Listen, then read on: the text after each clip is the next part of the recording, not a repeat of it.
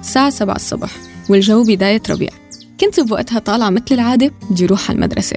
كنا بأواخر السنة الدراسية تقريبا. رفيقتي كانت ساكنة قريبة منا. كنت كل يوم الصبح التقى فيها نسلم على بعض وهي تكمل على مدرستها وأنا كمل على مدرستي. بيوم من الأيام كانت بدها تسافر. بدها تطلع عمرة شافتني قبل المدرسة ودعتني وعطتني وردة وسألتني شو أدعي لك. كنا بوقتها صغار تاني متوسط تقريبا كنت صف تامن. وصلت على المدرسة ودخلت على صفي. وتركت الوردة بعفوية فوق الخزانة. كان بالمدرسة في عنا أنسة كيمياء مرعبة. أقل شيء يقال عنها أنها مرعبة. مشهورة بشدتها وعصبيتها. وإنه ولا حدا صدف وشاف ابتسامتها. كانت فعلا بتخوف. وكان هلأ وقت درسها بصفنا.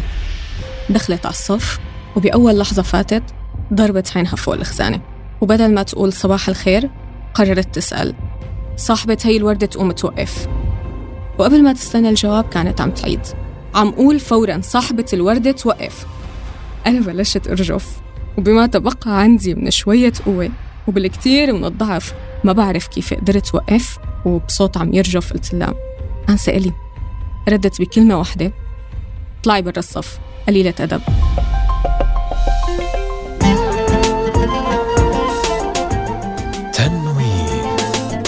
بلسان عربي.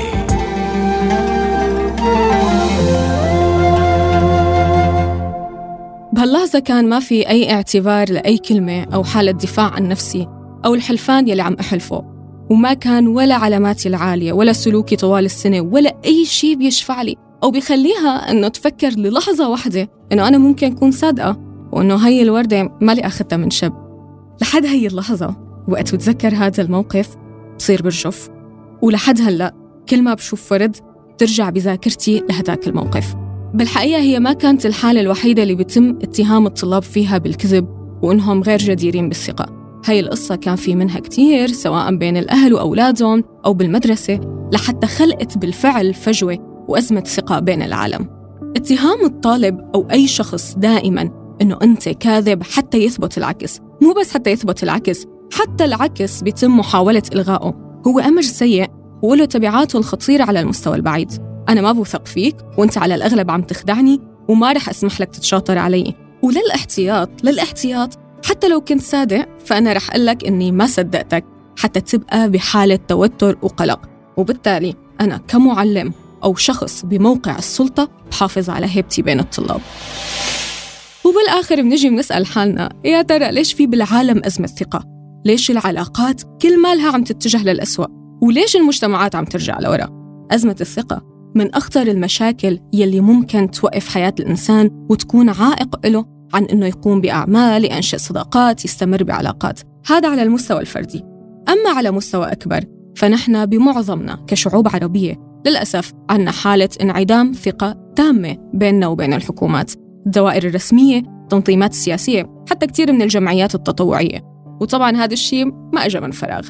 بيحكي لنا الفيلسوف والكاتب فرانسيس فوكوياما بكتابه نهاية التاريخ والإنسان الأخير كيف إنه انعدام الثقة إلها تأثير مباشر على الحالة الاقتصادية للبلاد وكيف إنه المجتمعات ما بتتأسس بس على رأس المال المادي وإنما أيضاً على رأس المال الاجتماعي. وأساس رأس المال الاجتماعي هو القيم والأخلاق والأعراف. وهي القيم هي اللي بتخلي الناس تنتقل من التفكير الأناني للتفكير بالمصلحة العامة. وهذا الشيء فينا نلاحظه بداية من الحياة اليومية الأسرة الرجل وزوجته الطفل وأهله وبيوصل للممارسات السياسية على مستوى الدولة. فبيكمل بكتابه وبيقول ويمكن القول أنه كلما زاد مخزون القيم والأعراف زاد رأس المال الاجتماعي. الأمر الذي يعزز ويدعم من الثقة المتبادلة بين الأفراد والثقة التي يمنحونها لمؤسسات المجتمع الرسمية مما يؤدي في النهاية إلى تحقيق التطور والازدهار الاقتصادي. طيب، خلونا نرجع شوي للبداية، كيف تنشأ أزمة الثقة؟ ممكن بسبب حادث أليم، جرح من شخص مقرب، حالة خيانة، أو تراكمات من الطفولة واكتساب وتعليم. وهذا الشيء كافي ليحول كل الأماكن المبهجة أو الممتعة الموجودة بحياة الإنسان لحالة شك وترقب.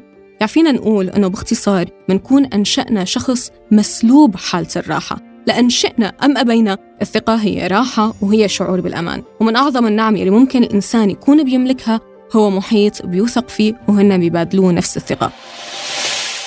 وبالأخير الأمر يحتاج حكمة. يعني مو من الصح أن يرجع الثقة لمكان هو غير أهل لهي الثقة. فاللي بدي أقول لك يا؟ إنه ما في ضمانة أبدا بالحياة. بتأكد لك إنه ثقتك ما رح تنكسر وإنه كل العلاقات حتكون بيرفكت ورائعة. لكن بنفس الوقت الإنسان قادر إنه يتعامل مع هي الثغرات والمشاكل بطريقة ناضجة وقوية يتعلم من دروسها ويفهم الإشارات اللي كانت فيها شو العلامات اللي تجاهلتها وشو الأمور اللي كان لازم نركز عليها. وبتمنى لكم من قلبي علاقات إيجابية وحلوة ومستمرة. وصلنا لنهاية حلقتنا على منصة تنوين بودكاست. بتمنى تقيموها على منصات البودكاست وبشوفكم على خير بالحلقات الجاية. سلام.